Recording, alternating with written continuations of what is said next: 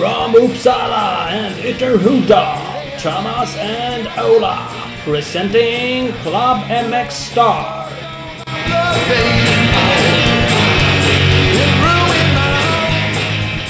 Jo, men visst. Klubb MXstar Podcast. Presenterat av. Husqvarna och. Torells MX. Bing, bing. precis så. Precis så är det. Avsnitt nummer för 1200 miljoner 42. Mm, ja, precis. Kan man runda av till. Ja. Kan vi runda av till. Eh, vi, vi presenterar som sagt Husqvarna. Vi tackar dem lite extra. Ja, absolut. Eh, De är snälla och rara. Husqvarna Scandinavia. Pioneering since 1903. De är med och supportar oss. Mm.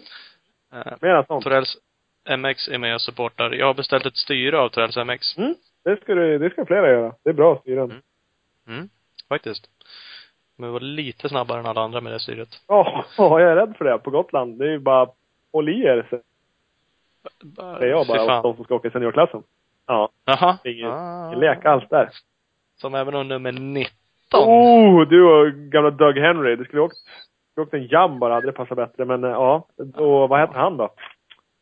Fylla Ja, precis. Det är- P19. Ja.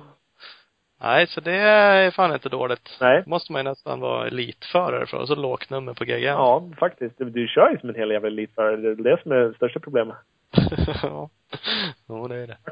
Eh, gäst idag, Jesper Jönsson, Husqvarna Skott Motorstar-föraren. Där har vi väl en elitförare i alla fall. Han är elitförare. Han är så jävla elit man kan bli. SM-guldvinnare. Ja, MX1-klassen. Det finns, det var ingen som var snabbare än han där i, i år. Över säsongen. Nej, det var det inte. Och det pratade vi lite med honom om, eh, känslorna om eh, SM-guldet då såklart. Precis. Eh, fångar upp lite igen där hur det faktiskt kändes inför sista heatet. Eh, Ja, samma poäng som Rasmus då. precis. Det var ju fan eh, vansinnigt spännande. Vi droppade ju det lite snabbt då när vi körde vår podcaststudio som jag hoppas att alla har sett. Men eh, Mm. nu så tar vi upp det lite igen med han och ja, även lite snack om lag-VM och eh, han körde ju USAs Grand Prix på Glen Helen och sådär. Mm, han gjorde det. Och eh, han är ju alltså nöjd med allting. Eh, klart han vill göra Du, bättre lå- du resultat. låter förvånad. Nej, ja, nej, men- ja men det är ju så här, ja men jag alltså SM-guld är man ju såklart nöjd med. Ja men, ja men du vet ju det är. Alltså han, han tog två poäng i eh, sista heatet i VM där i USA. Ja. Poäng, jättebra. Ja. Eh, Det är klart man alltid vill mer som svensk supporter såklart. Och han med, det sa han ju. Ja. Eh, Lag-VM, Sveriges lag blev eh, 13 totalt. Det får man ju lov att säga är helt okej. Mm, Ja. Ehm, och ehm, pep, pep, pep, han själv var 22 och 32 i heaterna. Precis. Mm, var han väl egentligen inte supernöjd med, men han var nöjd. Alltså alla upplevelser och sånt där. Det kommer. Vi ska prata mer med Jesper alldeles strax. Yes. Uh, övrigt lag-VM som sagt. Vad tycker du var häftigast med lag-VM? En grej. En grej. Ben Townley. Fan, säg inte det jag ska säga. Visst är det coolt? Det är så jävla coolt. Det är fan BT en- 101. Ja, ja, han har ju varit, han har ju varit idol hur länge som helst. Nej men han har ju alltid varit supersnabb, jättetalangfull och han har ju gått i backen hårdare än någon annan. Ja. Han har ju skrotat så ända in i helvete den stackaren. Och krascha och kommer tillbaks och krascha och kommer tillbaks och krascha och kommer tillbaks. Han var ju på väg och skulle åka 2-2 Motorsports Ja. eh, Supercross ett tag. Nej, gick i backen då typ två veckor innan det var för säsong. Bröt allt. Hela Det var väl då han faktiskt la av, va? Ja, då sa han att nu skiter vi i att göra det här.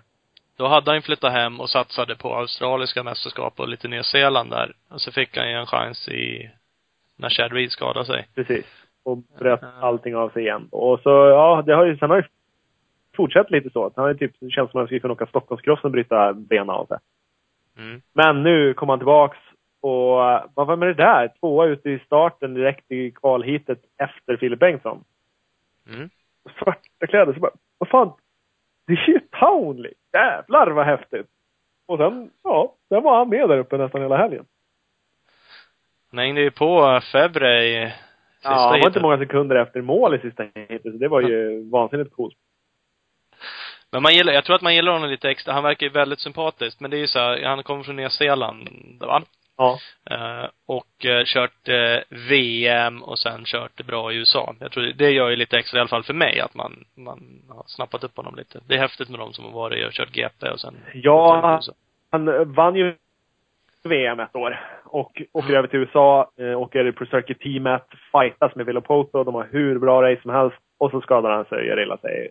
Men har ju alltid liksom varit supersnabb. Och, ja, nej, det var en, en skitkul grej med lag-VM. Men sen det fanns ju hur många som helst andra coola grejer också. Barsha åkte fruktansvärt bra. Att Frankrike och Fabré skulle åka bra, ja, det var ju kanske ingen skräll riktigt.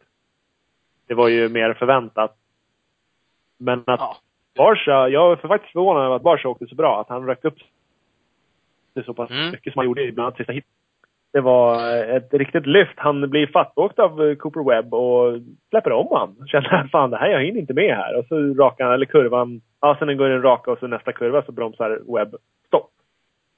Ja. Och då insåg Barsha att fan nej, men jag kanske skulle lägga i fyra jag med. Och sen så åkte han ifatt Paulin och brände om han bara.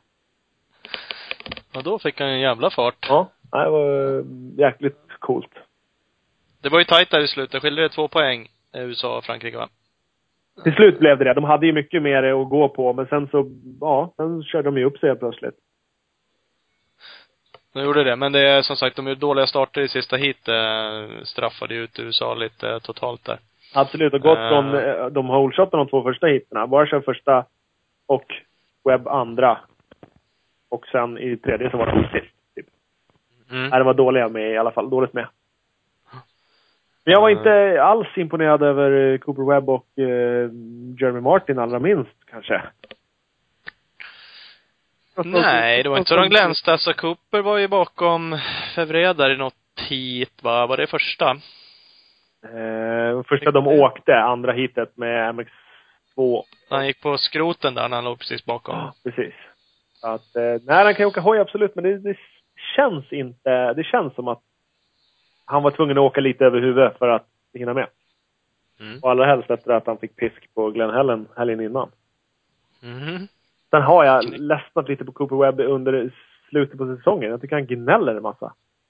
Ja, det gör han. Han har en dryg attityd. Alltså alla intervjuer han är med i också så är han inte så jävla sympatisk. Ja, utan han framstår som jävligt skitnödig bara. Han, "Eh, jag är snabbare än alla och, eh, eh, eh, och de är dumma som kör om mig och, eh, eh, eh."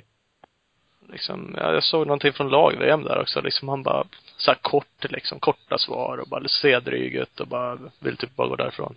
Ja. Eh, Knepigt. ja. Men han kan ju åka hoj. Absolut. Absolut. Eh, mycket folk var det också. Jävligt mycket fransostar såklart. Hemmaplan. Ja. Är Helt eh, sjukt många. Hört eh, allt från eh, 40 till 80 000 tror jag. Ja, så det är jag ett tror- brett spann av, Jag tror det var någon eh, för alla tidning som hade rapporterat till, ja det var 16 000 pers där.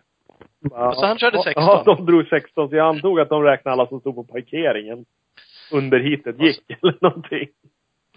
80 är ju antagligen Giuseppe själv. Ja. Youthstream. De brukar ju skarva med sådär en det dubbla typ. Typ. De räknar in Eh. även hemmavarande kusiner och lite sånt där. Ja, gånger 2000 på allting. Typ. Det momsar i alla fall. Men ja.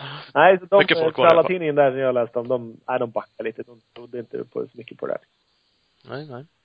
Ja, vi var inte där, så de var ju två kort i alla fall. Ja, det hade ju kunnat vara två till. Men jag vet inte. Kör vi på Italien istället eller? Ja, det tror jag. Ja. Det låter bra. Eh, Jag var lite besviken hemma ett tag att jag inte var där. Ganska så rejält. Eh, Söndag morgonen då när jag vaknade ganska pigg, inte bakfull. Jag drog iväg och gjort lite hoj på förmiddagen. eh, Och kom hem och kollade på racen. Då kändes det ganska skönt att vara hemma. Ja, och sen som jag sa åt dig att typ 10 sekunder efter att de hade gått i mål sista heatet. Då var det också skönt. Oh, jag är hemma ja. Jag, jag behöver inte packa ihop allt mitt skit som är blött och tråkigt och trist och nerspytt typ och bara slänga det bak i en bil och sitta och kuska genom halva Europa eller bara sitta på ett trångt 20 mil upp till Paris Ja. för att ta ett jävla flyg. Ja, nej, det är bara, nej, det är bra nu. Så att, ja, nej, det är både för och nackdelar såklart. Den här banan är ju grym, men alla andra banor är inte, alltså du, du har ju en upplevelse av att vara på plats, men du har ju en helt annan upplevelse av racen av att se dem på TV. Ja. Så är det ju också. Så det. Så det har ju för och nackdelar, men jag tror att vi, där de siktar på att åka till Italien i alla fall. Ja, det lär vi göra. Så är det. Så är det. Eh, lite grejer på säsongen är ju nästan slut skulle man kunna säga. Fast samtidigt så börjar den ju tydligen om. I alla fall i Ja, USA. exakt. Det bara bränner till så har de ju lite nya race. Dels så kör ju Red Bull Straight Rhythm nu och eh, sen kör de ju Monster Energy Cup om några veckor. Jag tror helgen efter varandra va? Är inte Red Bull nästa helg och direkt helgen efter det så är det Monster Cup? Jo, det kan mycket väl vara så. Eh, och det blir ju kul. Alltså Red Bull Straight Rhythm är ju andra året. Jag såg någon eh, startlista och det är ju en jäkla massa fräsare med där. Ja, eh, absolut. I år igen. Stewart är Stewart är tillbaka. Eh, Ja. Dungy, Roxanne, Marvin Musquin, eh, Brayton Short, Kyle Chisholm, eh, Josh Hansen. Ja, lite, lite snabba killar och så lite mindre snabba killar. Thomas Ramett. Som, ja, ingen vet. Men han är med. Han är med. Ja. Ivan Tedesco anmäld. Inte Tedesco är också otippat som fan. Metcalf, Nick Way, Kyle Partridge, Vince Freeze, Alessi. Ja, det är några sådana där. Men Tedesco är väldigt otippat. Och så just han Ramett som de har slängt in mitt i högen där. Från ingenstans. Typ. Eh, men det blir ju coolt. Ja, det- det går väl att se på Red Bull TV. Det går väl att se live gissar jag. Ja, det brukar det göra. Brukar väl dessutom vara gratis. Ja, det med. De har ju något att lära ut dem. Mm, de är Man duktiga på det. jobbar. Sen har du en 250-klass också med Nelson McElrath, Hill, Bisceglia, Hampshire, Malcolm Stewart, Kyle Regal, Jordan Smith och två till. Som får kvala in. Mm. Mm. Så det är också lite fortåkare med där. Men det har ju något samband med vad man har för sponsor på hjälmen såklart. Ja, jo men det är det ju säkert. Fast det är lite monstergrabbar med också kör ju. Ja, några är det ju. De är väl mer lätträknade, höll jag på. Monster Cup. Jag lyssnade lite på Palp MX senaste avsnittet idag. Ja. Jag lyssnade bara i början. Då nämnde de, fast han skulle inte komma nu, vilket var synd, men att eh, Paulin hade varit aktuell för Monster Cup. Jaha. Det hade varit coolt. Inte så mycket för han, men för oss. Ja. Tror jag inte hade blivit något bra. Nej. Nej. Jag tror han hade riskerat att bli förkyld i sammanhanget. Jo, det? tror jag. Ja. Jag tror han hade blivit Ja. skjortad faktiskt. Jag tror han hade varit sjukt glad om han hade varit åtta. Ja, men är det så jävla dåligt? Nej men det är klart det inte är, men det är ju, han är ju ändå liksom topp i VM typ. Jo. Men supercross är ett helt annat odjur. Ja, jo men visst är det så. Det blir väl inte värsta typen av bana där. Ah, fast den har fan gått... I början, första åren så var det lite crossblandat stuk. Men nu blir det fan mer och mer special, Ja. måste jag säga. Han har i alla fall trasigt knä, som troligen ska opereras. Lite därför han tydligen har sugit till slut. Han var inte så jävla vass i lag-VM heller. Nej. Han ju i Frankrike, så han var inte dålig, men Precis. Precis. Det var inte den vassaste kniven i lådan. eh, Så är det i alla fall. Eh, nog om det. Ja, nästan så. Jesper Jönsson har vi pratat med. Ja. Han kommer eh, här och nu. Hej, det är Jesper. Jesper Jönsson, hur är läget? Hej, hej, hej. Tjena, tjena. Tjena, tjena. Jo, det är bara bra. Ja, Skönt. vad skönt. Eh, Vad gör du då? Jag sitter faktiskt och eh, pular lite med en motorcykel som ska säljas. Smingar till dem lite, så det är någon som vill ha dem. Ja, du ser. Ja, du ser. Nya dekaler och klistra och putsa lite. Ja. Ja, visst, visst. Härligt. En 450. Jajamän. Jag fixar lite 250 också till eh, min lillebror så att han också kan sälja sina i rappet. det, Det det kan han inte göra själv eller? ja, egentligen borde han göra det själv, men jag, jag, jag, jag hjälper honom lite. Jag är, bättre, jag är mer putsbög än vad han är, så jag, eh, jag hjälper honom på den biten. Ja, det är ju snällt. Det är kul, kul att du sitter med det just nu, för vi har en lyssnarfråga om just det. Hur många timmar går dina hojar? Eh, oh, ska vi se här. Innan jag byter dem eller hur långt Ja. jag kör per säsong eller? Ja, det är ungefär bägge två. Hur många bikar du har på ett år och hur många timmar de eh, går innan du byter och sådär. Jag vill väl veta Mm. hur mycket du Eh. tränar helt enkelt. Ja, förmodligen. Ja, ska vi se här. Nu när jag kör 450 är det lite annat. Så nu kan vi köra, då kan vi köra rätt långt med hojarna. Eh, min resa har väl gått en 25-30 timmar tror jag och, och sen har jag en träningsresa som har gått eh, 60 timmar tror jag totalt. Eh, sen har jag haft en annan träningshoj jag träna på vinter. Jag kommer inte ihåg riktigt hur mycket den gick men eh, eh, ja, en, vad blir det totalt? 60, 70, lite över 100 timmar har de nog gått sen i vintras i alla fall, januari någon gång. Men det är inte så jäkla Eh. mycket. Har du haft tre cyklar i år? Är det allt? Ja. Ja. Sen så eh, körde jag på någon i höstas med och, eller vintern fram till, eh, ja, snön, eller fram till årsskiftet ungefär. Så Ja. då började ju försäsongsträningen i november och, ungefär. Så jag körde väl två månader där innan och sen 100 timmar sen årsskiftet ungefär skulle jag tro.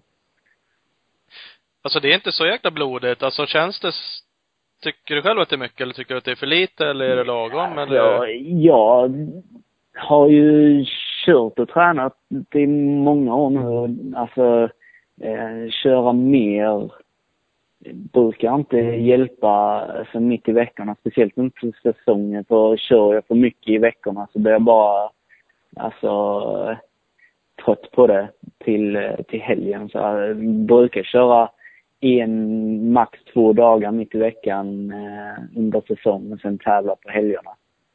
Mm. Eh, Så, eh, alltså lite för att hålla suget uppe under hela säsongen, lite för att, eh, ja mest, eh, alltså det är rätt jobbigt psykiskt att köra mycket motstånd. Alltså, eh, det som tar hårdast just nu det är ju inte eh, konditionen eller eh, musklerna och sånt utan det är huvudet. Kör jag för många dagar i veckan så blir man trött i huvudet och sen så är man inte eh, 110 procent när det är helg. Så brukar ta det så lugnt det går.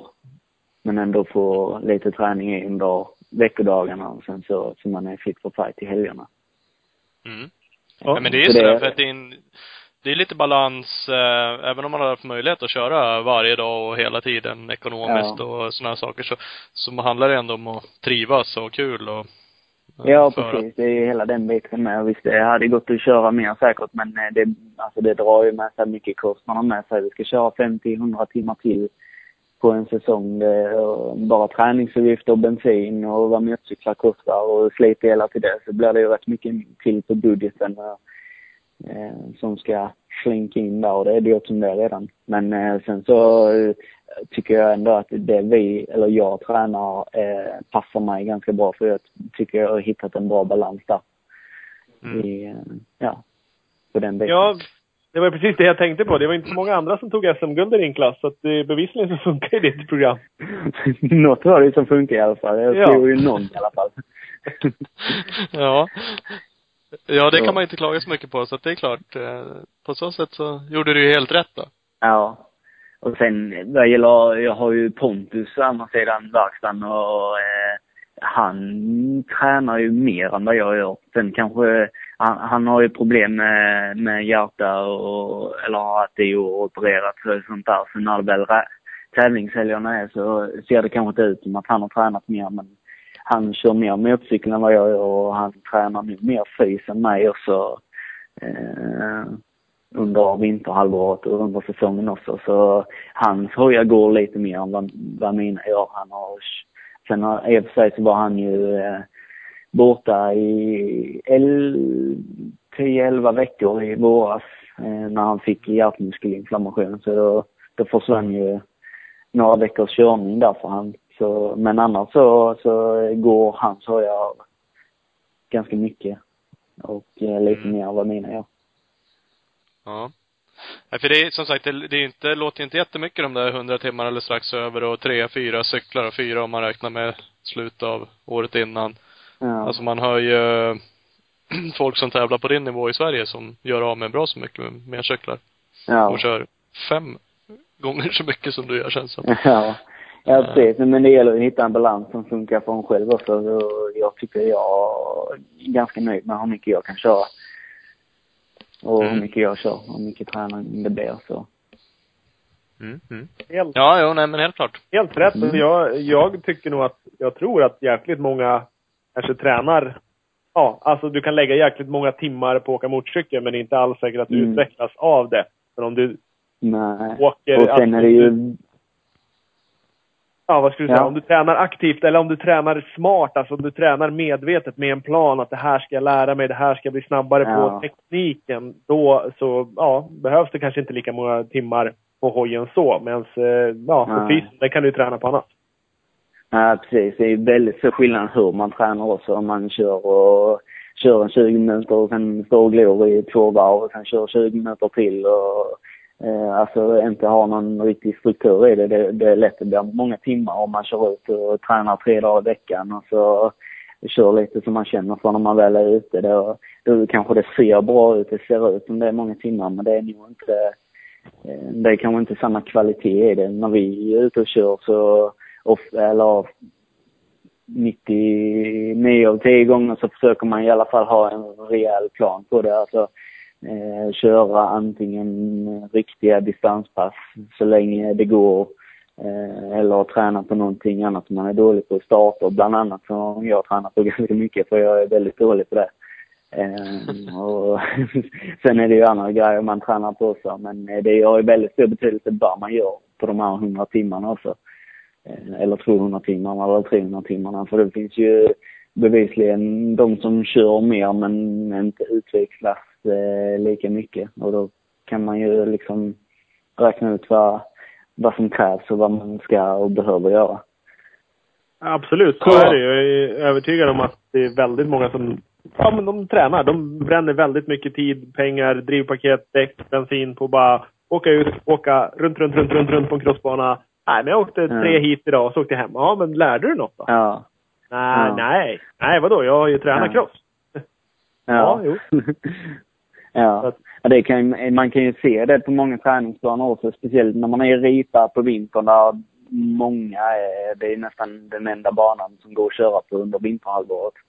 Eh, och där är allt från elitförare till folk som är och kör för första gången i sina liv. Och man kan se väldigt stor skillnad även fast många är på samma nivå eh, tävlingsmässigt så är det väldigt eh, olika sätt man tränar på. Eh, jag, sen, sen är det lite synd, många banor, i alla fall här nere hos oss, så kör man ju, delar upp passen ofta i tre. En, en grupp för småhojar, 85 år och en grupp för motionärer och breddförare och sen en grupp för snabba juniorer och elitförare och då oftast då blir det ju bara 20 minuters pass och då gäller det ju att ja, ta väl hand om de 20 minuterna och köra så, så hårt och fort och länge det går.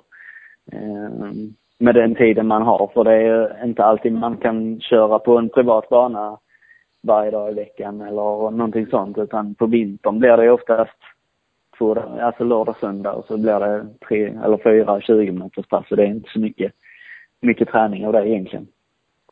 Nej. Nej, så är det ju faktiskt.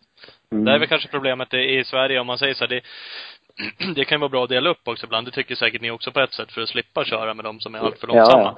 Ja, eh, men nackdelen är att det blir eh, för korta pass. Det går inte att köra så mycket som man, som ni i alla fall vill. För mig funkar ja. det bra att stå och snacka lite och att det bara är 20 minuter.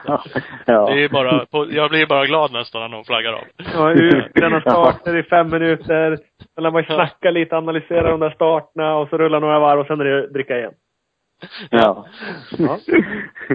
ja, det passar ju bra för många men sen är det ju lite synd för oss som behöver lite mer träning. Vi är nästan tvungna till att åka ner till Holland, Belgien eller Spanien för att få i många timmar men då så springer allting iväg i kostnader och det, det är ju allt det det handlar om nästan nu för tiden. Att skapa ihop pengar till att kunna köra så mycket så, med så bra grejer som möjligt. Mm. Så, men eh, man får göra det bäst. Vad sa du? Ja, absolut. Nej, hur funkar det på en bana typ som Lommel då? Där måste det också finnas motionärer, typ. Alltså nybörjare. Här. Ja, men där det är... På, men där kör man väl inte uppdelat? Nej. Nej, nej, jag har aldrig varit med om de har delat upp där nere. Då, där kör ju 50 kubikare och Kenny Dyker på samma bana med några förhjulningar och sidovagnar i vägen. Så där kan ju hända vad som helst känns Men det, alltså det händer ju inte så mycket tycker jag. Jag har inte varit med om det har varit så många olyckor. Och likadant flaggvakter, de vet ju inte vad en flagga är där nere heller, verkar det som. Ja, där finns ju inga flaggor att låna på de banorna om man går ut och tränar och sånt där. Så det är bara hoppas det inte ligger någon bakom, bakom hoppen. Men oftast går det ju bra. De får ju många timmar de som är där och tränar och, och det är därför det är så många att träna med. Speciellt i högsta eliten, VM, så alla bor ju där och tränar och det är ju, det är ju av sådana anledningar. Att det, där är mycket möjligheter för den, den sakens skull. Ja, jo men det är ju så. Men man hör ju, man ser ibland sociala medier att de gnäller lite. Var det inte Dedaike förresten för några år sedan bara som kraschade Mm. på träning? Jag tror mm. Deru, Deruver har gjort några sådana där resor också. Han är ju Ja. rätt frispråkig på sociala medier. Ja. Eh, Där de faktiskt brukar kapa eh, att folk är för dåliga liksom. Ja, precis. Men, eh, men sen vet jag inte om det är mycket annars. Alltså jag har bara varit där en gång i några dagar. Det är Mm. jävligt speciella vissa banor. Man Ja. tänker hur mycket vi jobbar med säkerhet och där nere är det liksom träd och det är, man ska ju vara glad om det är en halv meter mellan bandelarna liksom. Ja. Ute på någon åker zigzacka fram precis bredvid varandra allting. Det är några stålvajrar emellan typ. ja. Eh, Ja. Och järnrör typ. Eh, Det är väldigt Ja. speciellt så. Ja, det är det. Alltså det är en jävla skillnad. Sverige är ju bra på många sätt att man delar upp det och det är mycket säkerhet och allt sånt där. Men sen så, man ska ju hitta en balans också. Men eh, ja, alltså båda, båda är ju bra på sina sätt. Sen så Ja. får man ju säga att man är i Holland och Belgien och kör, då får man kanske ha lite självinsikt med och vara beredd på att det kan ligga någon bakom och liksom ha det med i åtanke. Medan i Sverige så kanske man förlitar sig för mycket på flaggvakter och sånt och att, att det ska vara flaggor och att det ska vara så säkert och sen eh, hoppar man utanför banan och sånt och så ligger det en stubbe under någon grästuva och något sånt och eh, slår sig för det. Man, för att man inte räk, för att man räknar med att där är, där är liksom bra gjort fast det kanske inte är det. Och sen så när man kör i Holland och Belgien då räknar man att det är ett helvete.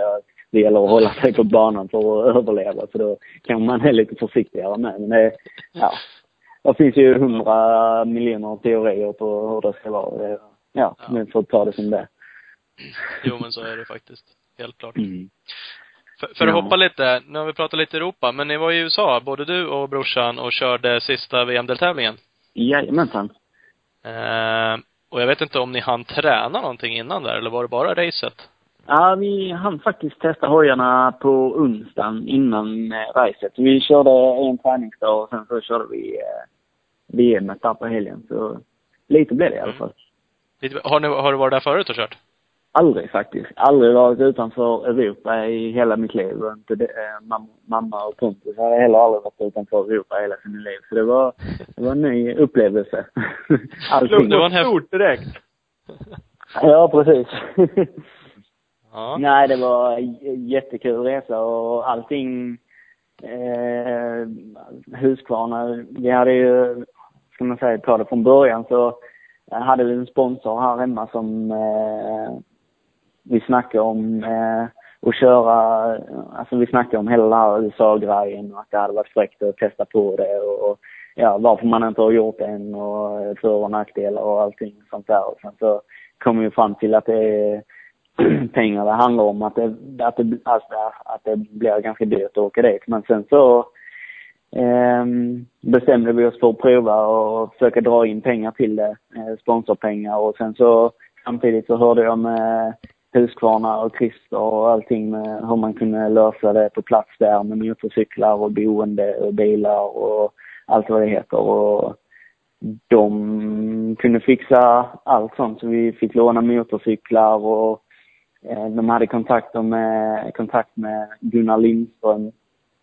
som eh, en stor stjärna där, vad jag vet. Och han är med i, vad heter det, det här motocross, AME Hall of Fame eh, för Mm. motocross. Så det är en ganska stor kille om man säger så. Vi fick chansen att bo hemma hos han faktiskt, hemma hos han och hans fru och de hjälpte oss med allting, körde oss till banorna, körde oss på sightseeing i Hollywood och Los Angeles och var jätte, jättesnälla och jättebra för, för, för oss. Och, eh, sen så fick vi komma in och se eh, Husqvarnas hu- huvudkvarter i USA och fick låna cyklar och fick jättemycket hjälp av dem där. Så det var helt fantastiskt allting. Och, ja, det var en drömresa. Vi var helt i extas från vi landade med planen till vi landade med planen till Sverige igen. Sen så var vi tillbaka till verkligheten. Men det var en fantastisk resa. Och det var alltså eh, sjuk hjälp vi fick av alla och alla var så hjälpsamma och snälla och eh, ja, allt var eh, grymt där. Ja. Nej, det är, det är ju riktigt grymt att kunna få sån här hjälp, för det behövs ju. Det är inte så lätt att bara sticka dit och köpa en cykel själv och hyra en bil och bo på Nej, hotell precis. liksom. Och Alltså det, det, det går ju. Det hade ju säkert kunnat gå att göra det också men eh, all hjälp vi fick underlättade ju något enormt. Alltså det var... Eh, eh, man kände sig som hemma första dagen vi kom dit och allting gick eh, riktigt enkelt och ja, det var hur kul som helst. Det är grymt. Ni fick köra Husqvarna 16-bikarna där va? Jajamensan. Vad tyckte du om dem? Bättre? Sämre? Riktigt, eh, riktigt grym med dem. Alltså den jag kör nu, 450 är ju, är jag väldigt nöjd med. Men den nya är ju liksom, det är, man känner att det är samma hoj. Men att den är förbättrad i alla kanter. Motorn är bättre. Eh, jag vet inte hur många hästar mer det är, fyra eller fem. Och sen så är det eh, fem kilo lättare med tror jag. Eh, och allt det märks och all vikten på hojen är mer centrerad så den är mycket, äh, mycket, mycket, men den är mycket lättare att hantera. Eh, mycket lättare att vinkla med bland annat och svänga med och allt sånt. Viktigt. eh, ja, väldigt viktigt. Så den är alltså, mm, man känner ingen jätte, alltså det är inte som att köra en helt annan hoj, men det är som att köra samma hoj fast förbättrad med allting. Man, Ja. eh, man känner skillnaden där. Och sen så fick vi låna eh, semifabriksfjädring av dem och eh, alltså kunna optimera hojen ännu mer än vad den redan var. Så den var fantastisk att köra med. Det var någon som kommenterade en bild tror jag som du la ut. Jag kommer inte ihåg vem som kommenterade. Men åkte ni med, hade ni de här feta gaffelbenen? Vad är de? 52? Kommer Nej, inte ihåg det vem det var som kommenterade. Kan det varit din Var det du som skrev det? Jaha, det säger jag. Ja men det var, jag kommer inte ihåg det. Ja. Ja, nej det var, eh, eh, det var faktiskt den vanliga 48 mm Kronwall-gafflarna. Så det är ju, det är inte helfabriks utan det var semifabriks. Men det var nära i alla fall. Ja, men jag håller med om att det såg ut som de var feta på den bilden. ja, Är, ja, alltså det var... Är det grövre än, är det värre grejer än vad du har här hemma? Eh, ja, det kan man säga. Vi kör ju med standardfjädringar hemma, eller modifierad standardfjädring. RG3 fixar ju eh, våra stiltor här hemma, så eh, de här Conrad-grejerna är ju riktigt bra. Det är ju, eh, ja, det, det är ju samma grejer inuti som eh, alla fabriks KTM Husqvarna kör med. Mm. Så eh, det är ju beprövade och bra grejer i alla fall. Så eh, nej, det var kul att testa. Fick, eh, fick lill, lillebror också låna sådana fjädring? Jajamän. De Jajamän. skämde bort han också. Lika, Fan. lika bra. Vad, Ja, eh, vad och- tyckte du om banan där då? Och ja, det var en... Alltså Glenn Helen har man ju hört och sett mycket om på datan och det var den... Eh, man blev inte besviken när man kom dit. Den var riktigt häftig. Eh, Ja, det känns ju som att var- när man väl kommer dit så är det ju inte alls, alltså då är det ju värre än vad man har sett och tänkt sig ändå. Ja, alltså det går inte att föreställa sig. Den är riktigt fräck och eh, väldigt kul bana med. Nu fick vi köra på alla de högsta bergen och upp och ner. Det var ju brant så det, det pirrade i magen.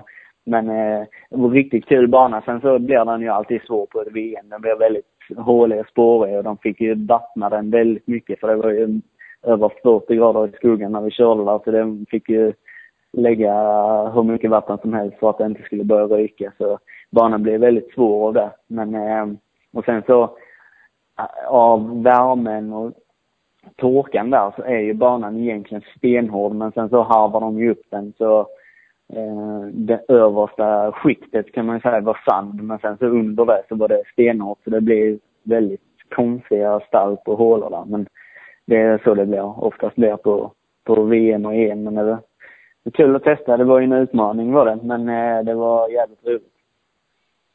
Mm. Du tog två VM-poäng blir det va? Du var 19 i andra heatet, 22 i första. Ja, precis.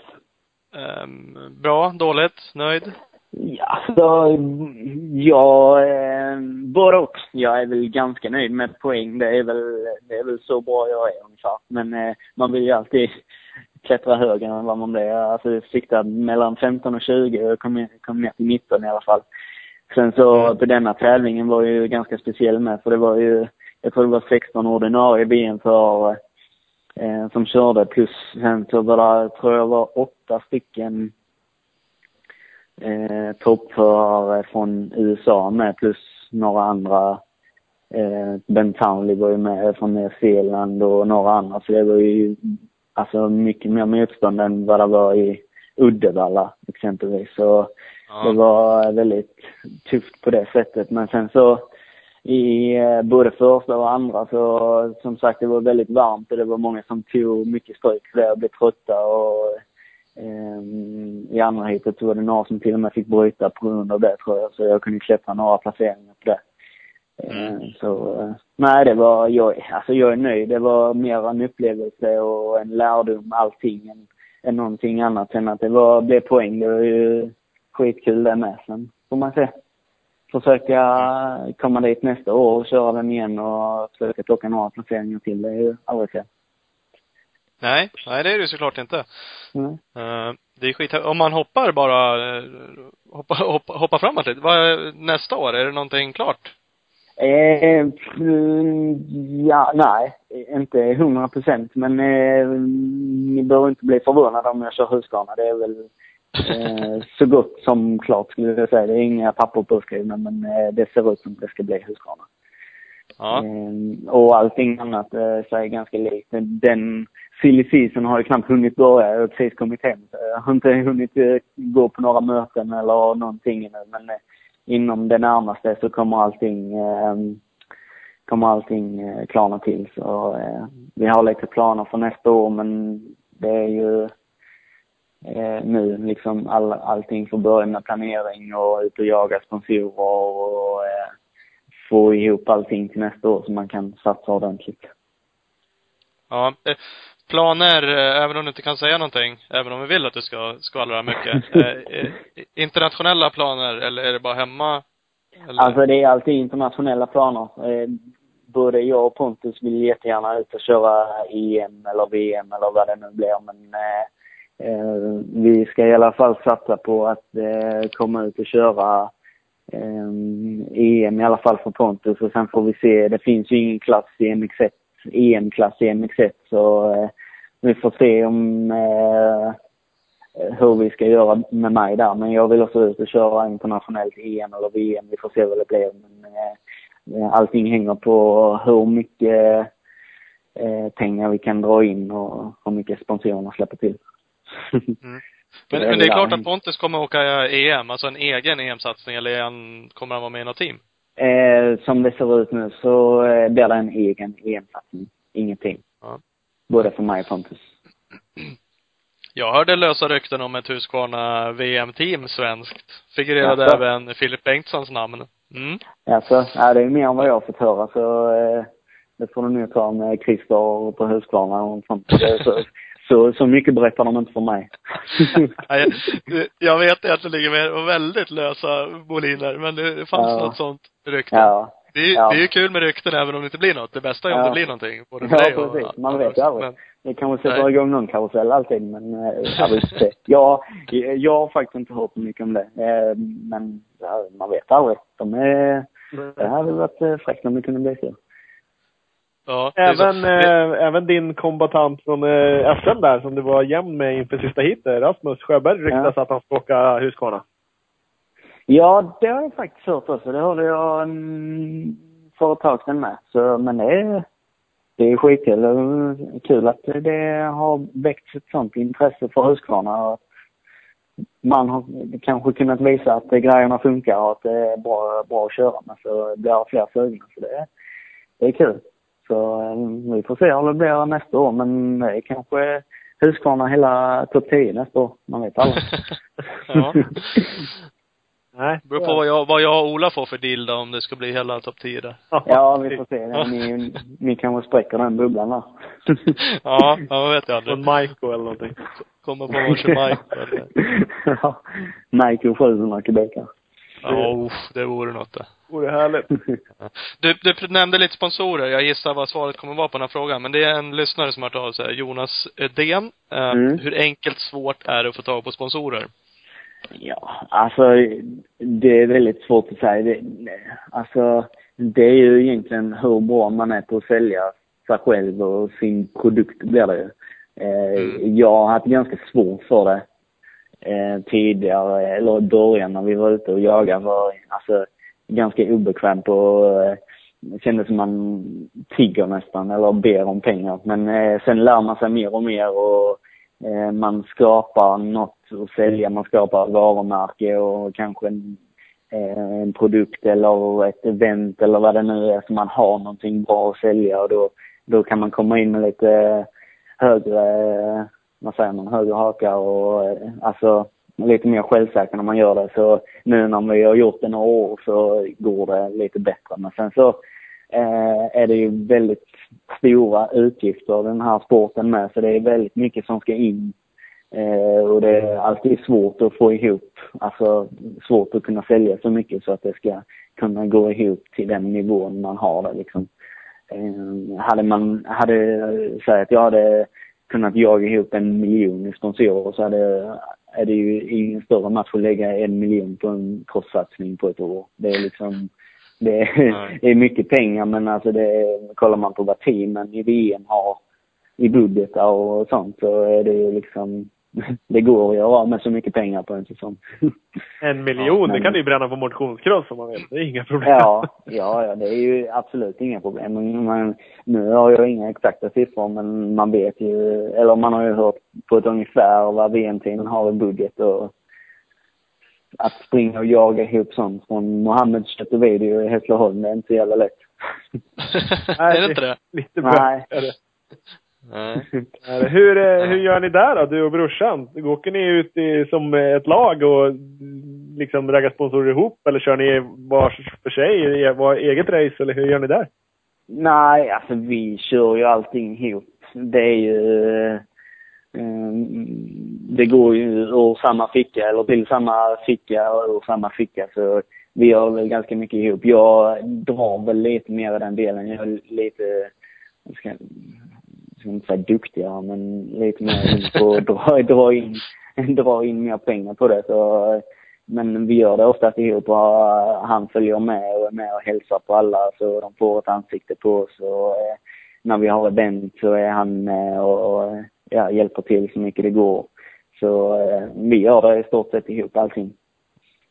Mm. Men, eh, vad tror du då? Är det lättare när ni är två eller eh, liksom, det är bökigare? Man vill ju oftast kanske ha in mera pengar då istället. Det är ju dubbelt så stor budget Ja. som behövs.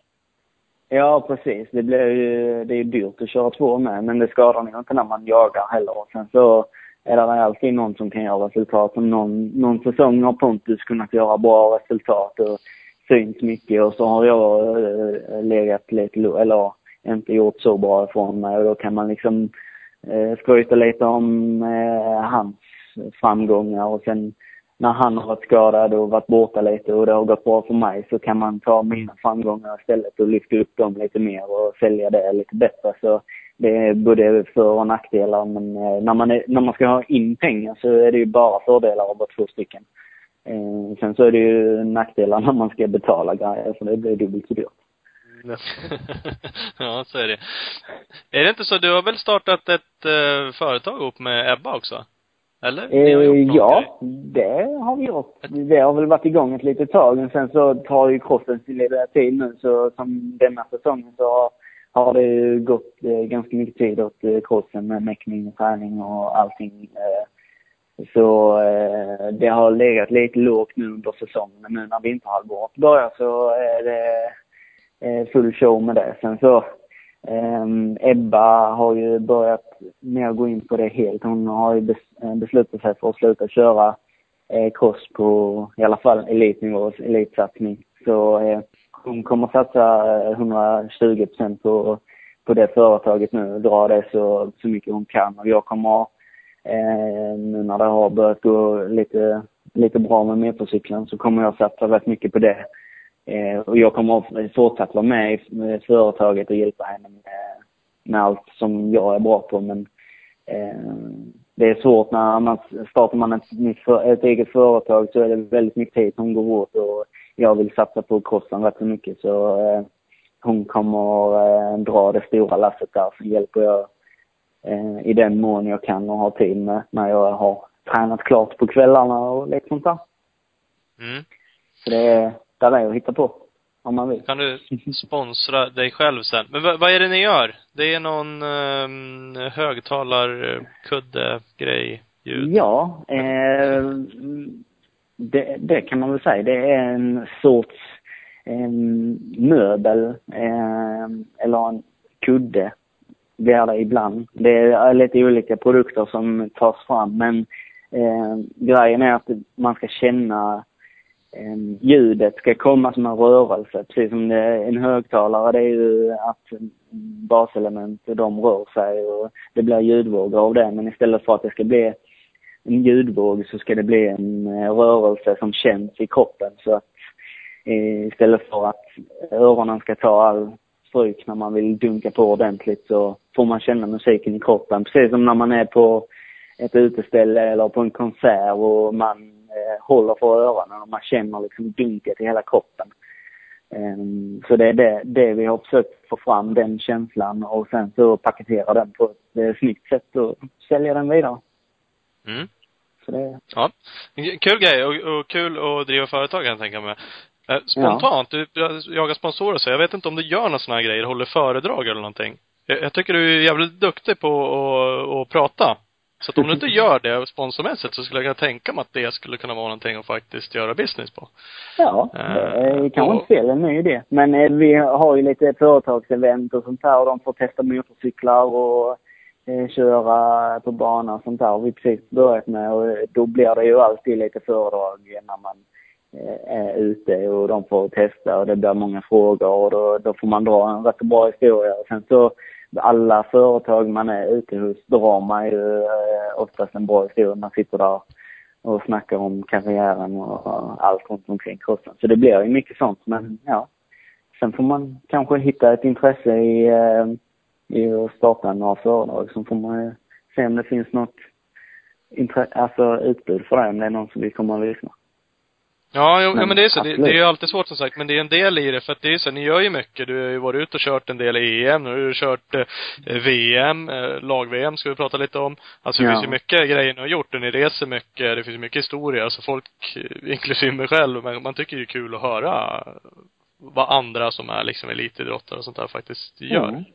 Ja, eh, alltså det är väldigt, eh, det hade ju varit kul om det hade varit många som hade varit intresserade och lyssnat på det. Sen vet jag inte hur, många det är och om alla kan komma.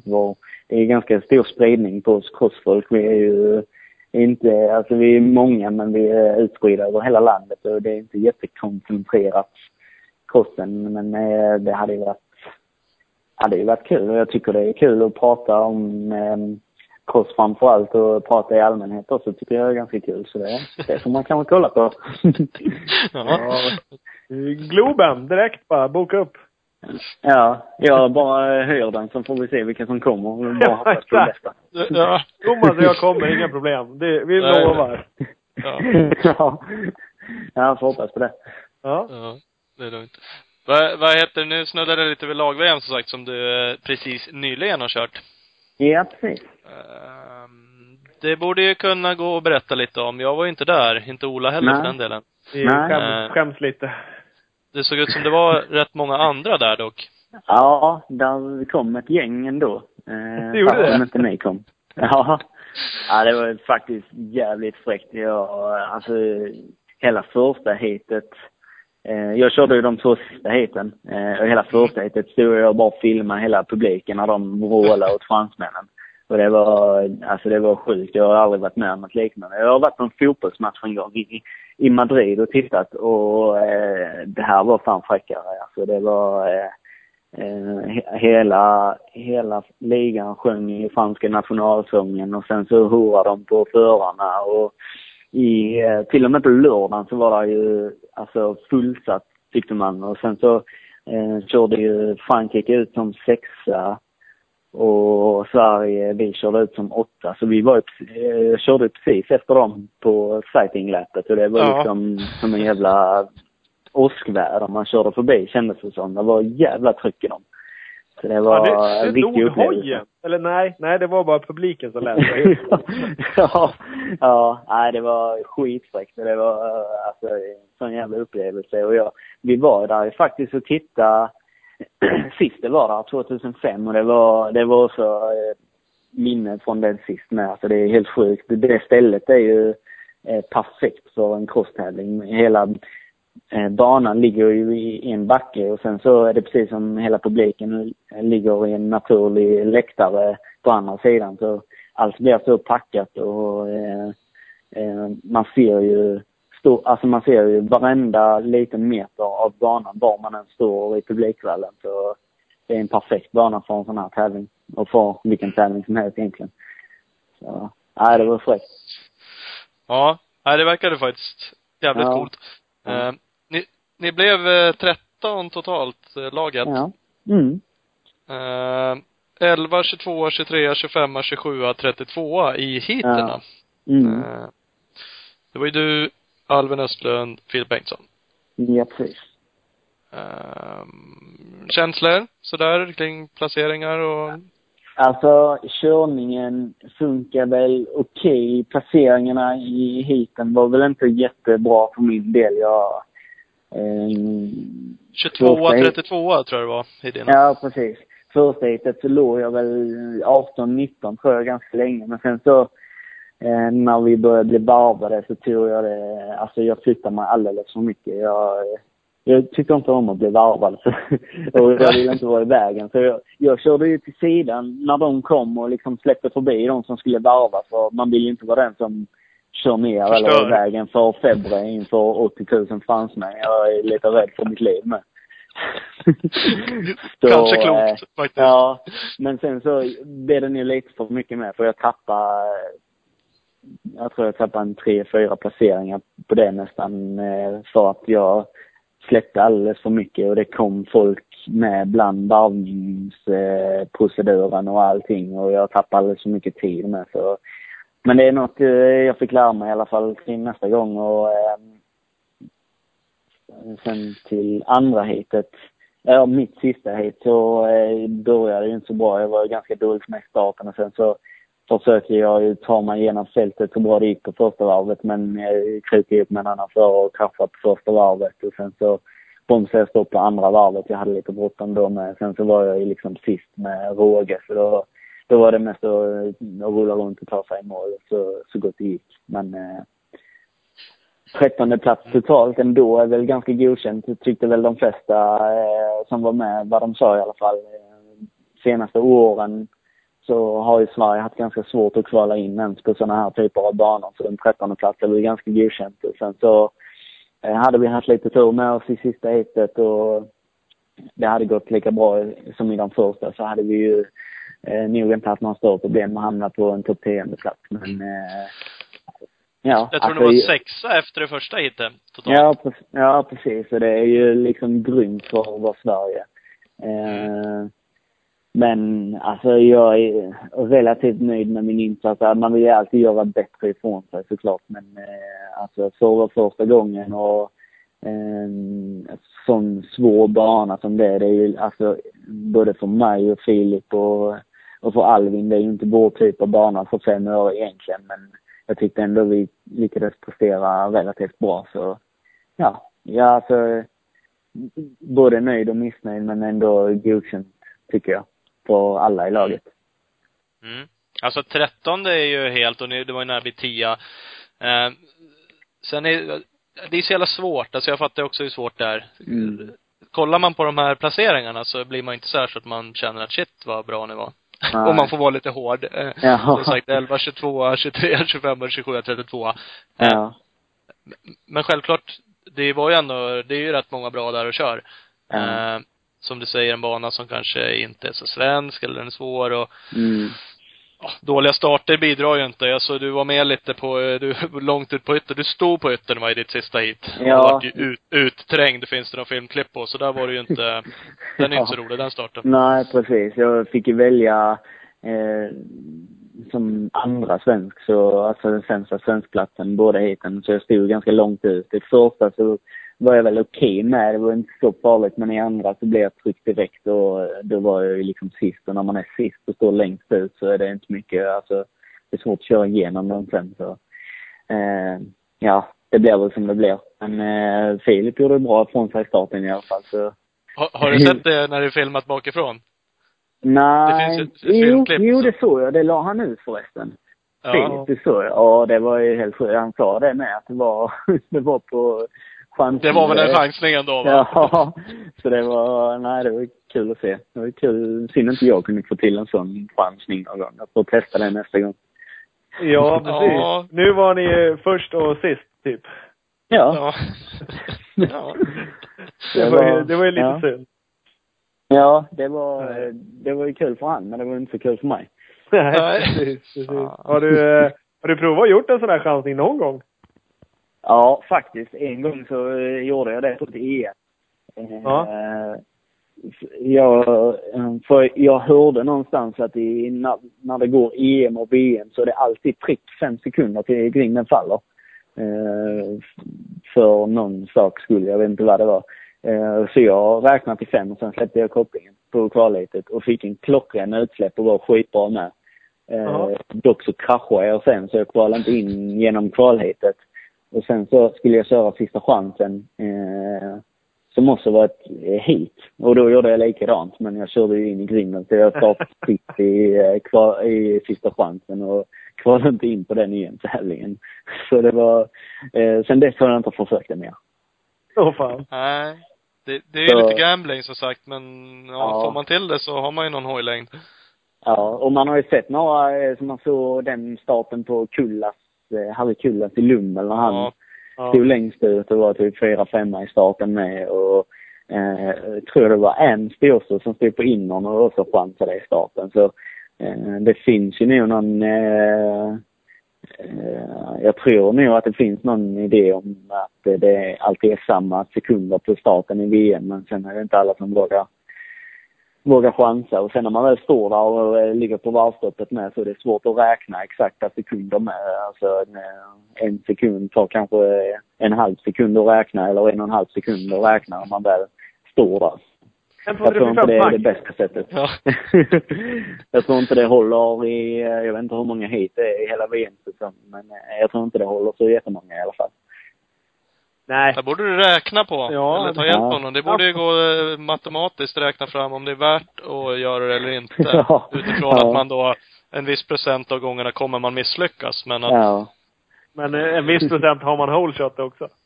Ja, precis. Jo, och Filip hade ju bevisligen, han åkte tre hit och hade två whole shots. Ja. Ja. Så det var Så inte... det funkar lite grann.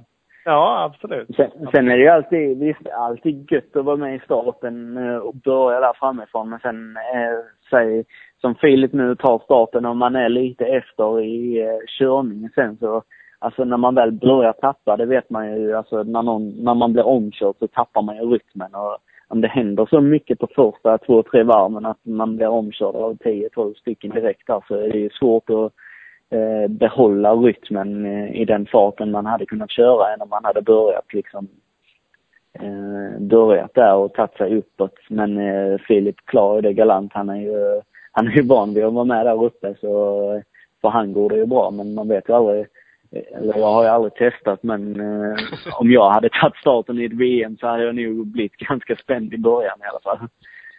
Så, för de är ju, de har ju bråttom fram och de vet ju att eh, de eh, kommer om en ganska lätt så, eh, ja. Ja, vi De, får de ser någon jävla, någon sopa med någon Sverigetröja så de bara, vad är det där för kille? Eller någon Ja, nummer de inte känner igen bara.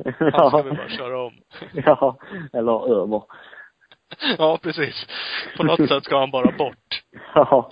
Skiter i vilket. Ja. Ja, Eh, han, det är ju lite intressant för han var ju först i starten i sista heatet. Så långt kan vi Mm. enas om. Ja, och Mm. när han varvar efter ett varv så är han trettonde.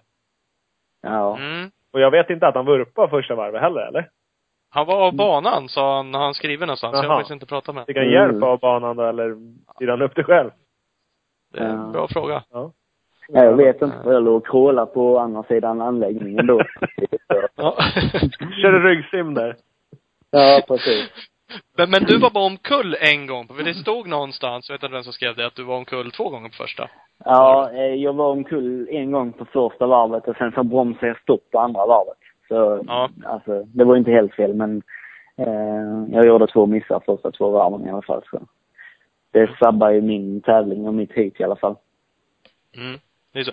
En, en lyssnarfråga lite apropå det och lite det här med du sa om att ta en start så blir man nervös. Mm. Fredrik Karlsson frågar så här, har du hjälp eh, av någon vad det gäller mentala biten?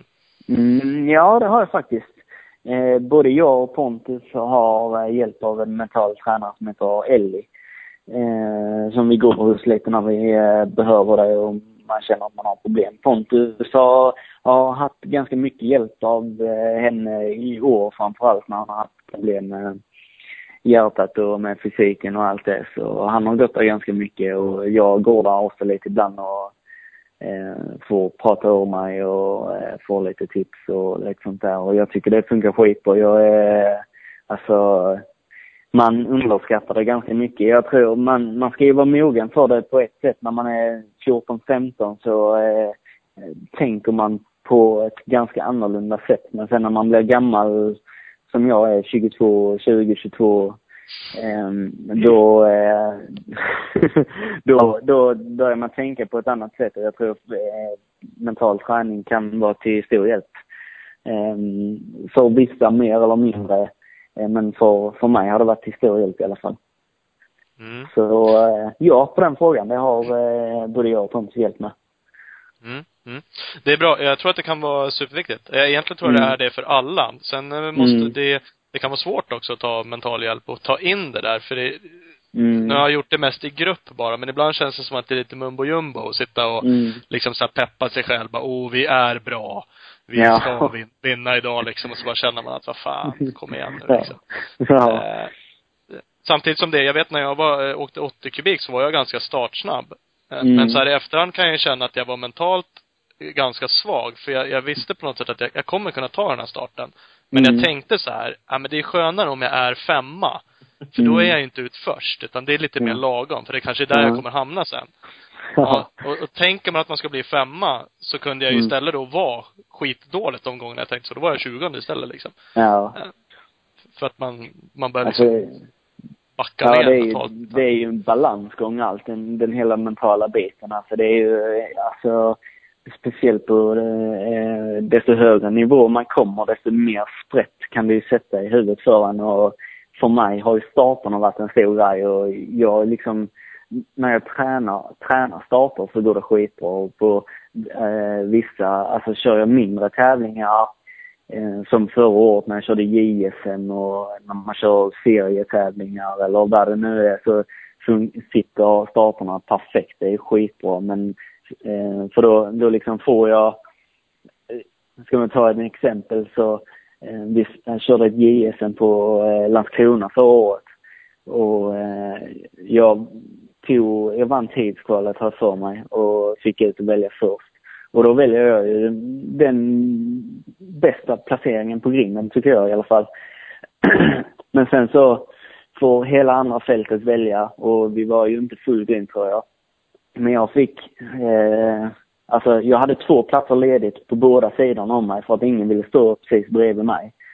Och då, och bara på det där hade jag ju vunnit, alltså tagit den starten för man känner mentalt att alla har respekt och att man är Ja. liksom, eh, de vet att nu ställer man sig bredvid så kommer förmodligen hamna efter och det vill man inte. Så jag tog båda de starterna tror jag och alltså det är sådana grejer men det händer ju inte i SM och eh, alltså när man vet att alla är på ungefär en, samma nivå som en själv, att det kommer att bli tufft och alltså det är många saker som kan börja sätta sprätt i huvudet och det är sånt man försöker jobba bort och med mental träning. Alltså jag, jag kan ju sitta och intala mig själv en miljon gånger att jag ska ta starten men sen så räcker det, stä- eh, räcker det man ställer sig på grinden och tänker eh, en liten negativ tanke och sånt. Sen har man förlorat den starten. Eh, Mm. Så det är sånt vi jobbar med och man jobbar med när man är, har mental träning och sånt där. Så, Det där är också en, jag tycker, Det är också en inställningsgrej, för när du ställer dig på grind där och så är det två platser till höger som ingen väljer och två till vänster som Mm. ingen väljer, så tolkar du det som att de har respekt för dig. ja. Hade det varit någon annan så hade du kunnat tolka det att shit, jag måste ju ha valt det sämsta startspår av alla, för det är ingen som ens Ja. vill stå här i närheten. ja, ja, ja, så kan man ju också ta det. Men eh, alltså, sen, ofta så vet man ju, i alla fall på startlinjen, vilka som är bra och vilka som är dåliga positioner. Och, Absolut, eh, absolut. vilka, vilka som är den föredragna. Och, och eh, jag lyckades i alla fall intala mig att det var så. På så sätt Ja. ju vinna den starten mentalt. Precis. Men det är ju olika sätt att se på, på samma sak egentligen. Ja. Jo. Ja, det är det. Ja, ja men det är väldigt speciellt som sagt och det gäller ju att, att träna så mycket mentalt så att man Alltså det ska inte vara på låtsas. Lite som jag sa, det- för det, det går inte att gå ut och stå på startgrinden och liksom bara tänka att sådär lite luddigt att nu ska jag jag vet inte, Mm. det är svårt, men det måste vara på riktigt liksom på något sätt. Mm. Ja, precis. Men det, Men, jag tror att som sagt att det är helt viktigt.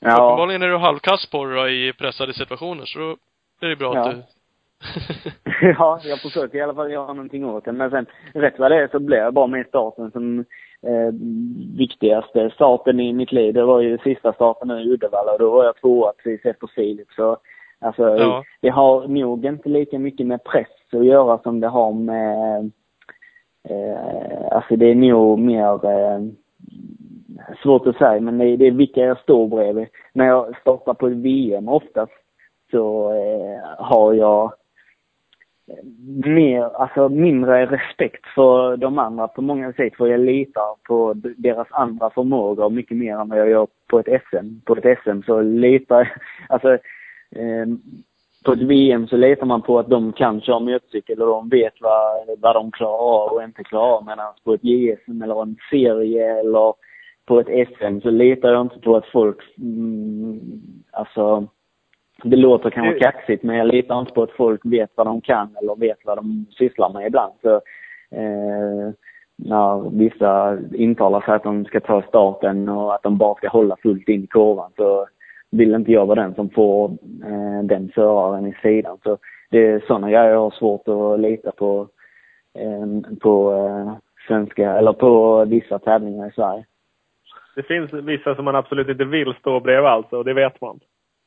Ja, precis. Och oftast är det inte de som är duktiga på att starta eller de duktiga förarna som är de värsta att stå bredvid utan det kan vara ja, alltså lite halvgalna eller sådana som har lite dålig motorcykelkontroll som är jobbigt att stå bredvid ibland. Men eh, sen är det ju både och. Alltså det är, eh, ja, hugget som stucket ibland.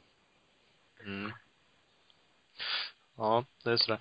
Du sa att du håller på att sålde en cykel. Säljer du av allt? Är säsongen helt slut?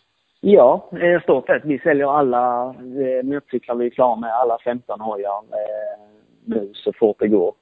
Eh, Mm. Sen så eh, har vi ett litet uppehåll nu, eller jag har ett litet uppehåll nu i alla fall och vilar från cross ett par veckor och från träning eh, någon vecka bara eh, innan vi börjar igen. Så man får igen suget lite och eh, sen är det mycket annat som är på gång nu med, som vi så pratade om innan här, ute och jaga sponsorer och lite andra grejer. Jag har precis börjat jobba med eh, också så eh, tar en liten paus nu, säljer av allting och sen så börjar man om på ny kula om eh, några, några veckor eller en månad kanske. Mm. Har ni sålt eh, cyklarna eller kommer de ut på annons? Kan någon, kan man höra av sig till dig om man vill ha en bike?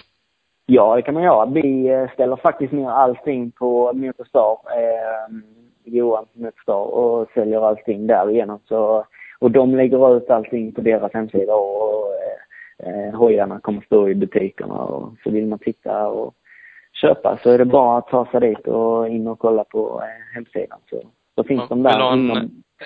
SM-guld snabb eh, cykel. Så är det Ja, precis. Sveriges snabbaste motorcykel. Håll i dig. Jävlar så fint. Vi, vi, vi pratade om det med dig då på plats i Uddevalla när vi gjorde en liten intervju där när vi körde podcaststudion. Men eh, nu Mm. när du har landat och sådär lite, hur, eh, Mm. hur var tankarna inför sista heatet där? När det står lika i poäng. Ja, eh, alltså ehm, jag var väl, alltså jag, jag tror ändå jag är ganska tillfreds med det. Visst, jävligt skönt att vinna och eh, vilken skillnad det hade varit på att komma etta eller tvåa. Men eh, när jag väl stod där så tänkte jag bara att eh, vem som än vinner så är ju liksom en värre vinnare. Hade Rasmus tagit mig och kört från mig i andra heatet så hade han varit en värre vinnare. Och hade jag kört från honom så hade jag varit en värdig vinnare. Så vi har varit så lika hela säsongen och är man på samma poäng då, då är det liksom det är inte så att han har missat tre hit och liksom tagit ikapp dig på sista hitet eller någonting sånt. Utan vi har ju varit liksom precis lika bra båda två hela säsongen. Så det, jag var ganska tillfreds med att kunna, alltså om jag hade blivit tvåa. Jag tror inte jag hade tagit det så superhårt. Eh, men sen å andra sidan, eh, det var så jävla skönt att ta hem det och alltså nästan mest för allt runt omkring alla andra som blir glada. Alltså familj och vänner och sponsorer och eh, hela den biten. Jag har fått så mycket meddelande och folk som har skrivit och tidningar och allt sånt. Det är den, det är den delen som är det roligaste nästan. Att eh, alla runt omkring, eh, runt omkring blir så glada. Så, eh, nej det var, det är fräckt som fan och det är liksom man är svensk mästare och det kommer alltid och eh, det är alltid någon som kommer ihåg. Jonas Hagen kommer alltid komma ihåg det. Så länge han lever. så, eh, ja. nej det är jävligt kul. Ja. Nej, det kan jag förstå. Som sagt, det är ju bara, det är bara en som är svensk mästare i år i den klassen i alla fall. Ja, så är det ju. Det är Man liksom... är i historieböckerna så det, det är väl det viktigaste. Ja. Plus att man får köra med nummer ett nästa år. Jag vet inte om det är tvång på det, om man måste göra det eller om man får välja. Men eh, eh, nummer ett är ju inte så eh, pjåkigt heller. Det är ganska fräckt. Det är ganska coolt. Jag tror faktiskt inte att du får välja. Jag tror att du är tvungen. Nej. Ja, jag, jag har hört det med, men jag är inte säker. Jo, det tror jag. Med tanke på att du till exempel inte får ha röda plåtar runt om, utan bara är fram och lite sådana där. Ja halvfåniga regler ja, kan jag tycka. Så då, då är man säkert tvungen att ha nummer ett då. Ja. Ja, jag vet faktiskt inte. Men eh, det får vi väl se. De kommer väl och rycker bort plåtarna i första tävlingen nästa år om man har gjort det. får vi se då. Diskad direkt bara. Den nummer får du inte ha. Jag måste ju passa på och, och påpeka att, att det, jag tror det ligger lite podcasteffekt bakom det där SM-guld ändå. För vi var ju faktiskt jävligt tidiga med podcaststudion och klöp in både dig och, och Rasmus direkt bara. Ja.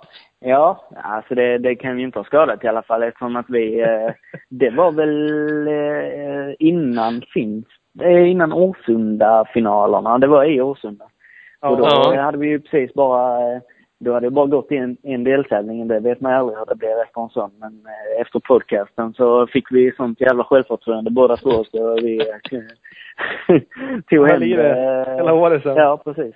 Ja. Ja, ja det är ju ja, det är kul att kunna hjälpa till. Ja, ja faktiskt. Ja, man, det är väl bara att tacka, böga och bocka. Får ja. skicka Nej, varsågod. Precis. Ja, ja. får du nästan ta och göra. Ja, vi får ta och boka in eh, en podcaststudio tidigt nästa år tror jag. Ja, eh, precis innan första tycker jag blir bra. Sen kan vi ju, om jag har någon formsvacka och sånt så får vi ju prata ut. En till bara. En gång till. jag ska börja sälja ut dem. Vi har inga sponsorer egentligen. Vi har bara betalande gäster. Ja. Mutor hela högen. Ja, precis. Ja, ja det låter bra. Ja. Jaha, men fan vad grymt. Hoppas det, ni får ihop lite till eh, nästa säsong då, någonting extra med lite utomlands och, ja. Eh, och sådär. Ja. Det hoppas vi också på. Det hade varit eh, kul att kunna satsa ordentligt. Eh, vi har ju varit ute och kört mycket innan men det, det är dyrt att köra motorcykel och behövs sponsorer för att kunna göra det igen. Men vi hoppas mm. på det bästa. Det kan vara kul om det blir hänt kan man också höra av sig till dig. Det kan man ringa direkt till dig när man vill ja, sponsra dig med jättemycket pengar så att du ja, kan det, köra VM det, nästa år. Det behöver man inte tveka på. Vi är öppna för det mesta. Så det är bara att slå en pling så, eh, så kan jag skicka en faktura. Det, det behöver de inte ta med Johan på Motorstar för då ska väl han ha procent på det. Då får ju ja, du bara 10 procent Nej, nej, det, det är bäst att ta det direkt här igenom så vi inte har massa ja. mellanhänder. Det blir bara problem. Ja. ja då. Nej. Det tycker jag man ska göra, om man har lite ja. pengar över. Ja, fan, det hjälper de som behöver det, vi kursförare. Ja, precis. Jo, men det är ju så. Ja, men vad grymt. Ja. Tack för att vi fick eh, prata lite med dig. Ja, grymt. Ja, tack själv. Mm. Vad jobbar du med förresten? Eh, jag kör en lastbil. Riktigt trucker är jag nu. Eh, Ja, du gör det? Eh, jajamän. Min pappa har ju ett eh, åkeri, lastbilsföretag, så det är där jag hjälper till och knegar lite nu under vinterhalvåret. Ja, vad coolt. Med släp och hela skiten? Hela skiten är det. Uff. Så det är bara, eh, kör ni bil i Skåne så håll till sidan. Mm. Ja. kom en kille som är lite ovan här. Det kan gå hur som helst. lite ny på det. Ja, precis. Precis. Ja, det är fantastiskt. Ja. Ja, nej men det är grymt. Mm. Vi, eh, vi hörs av framöver. Ja, det hoppas jag. Mm. Så tack så mycket för uh, pratstunden. Ja, Mm. du, Tack tack själv. Hej på dig. Ja, tack, hej. Hej då. Jajamän. Jo men visst. Jesper Jönsson. Precis. SM-guldvinnare, MX1. Mm. Med vi- ett nästa år då. 147 i år. 147 och till 1. Det är ju en bra bättring. Mm, det är bra bättring. Uh, ja men okej, vi får se vad det blir då. Han var ju inte lite hemlig, eller han kanske helt enkelt inte visste. Lät det ju snarare som det vad som gäller exakt för nästa år. Ja, precis. Han dolde det ganska bra om det nu är de eller om han är inblandad i det där lösa ryktet jag hörde om VM Husqvarna-team från Sverige. Ja, precis. Precis. Det låter ju onekligen intressant. Och han om någon kanske borde veta någonting om det. Ja. Om det är så att det ska bli något. Ja, han kanske inte är medbjuden bara. Det kan vara så. Ja. Lösa Bolinus som sagt. Eh, vi ska passa på att tacka åtminstone eh, Husqvarna som är med och eh, samarbetar med oss i det här avsnittet. Absolut. De är ju inte bara egentligen det här avsnittet, utan de var väl med lite hela året. De- ska ha stort tack för hela året faktiskt. Tack. Det är mycket, om inte de hade varit med i studion från början så hade det inte blivit någonting. Eh, Så det ska de ha cred för. Faktiskt. Och eh, supportat oss på många sätt. Det gör de bra. Hoppas Så det- de fortsätter. Ja, men det hoppas vi också. Eh, får vi se. Det vore jättekul. Uh, Ja. att ha kvar samarbete med dem. Pioneering since 1903. Ja, Den du. bara- bara det. Då jäklar byggde de Husqvarna-cyklar i Sverige. Ja, i wellpapp. Ja, ja. Ja, vet fan vad. Det kanske det var. Gjutjärn Ja. och wellpapp. Nog om detta. Yes! Vi säger tack och hej va? Det gör vi. Nah, vi kommer tillbaka med ett nytt avsnitt snart, sa jag. Så stay tuned. Mm. Det, ja precis. Håll koll på hemsidan, Facebook, Det Instagram. bara rullar upp nya grejer hela tiden. Mm. Bra! Hej då! Hej, hej!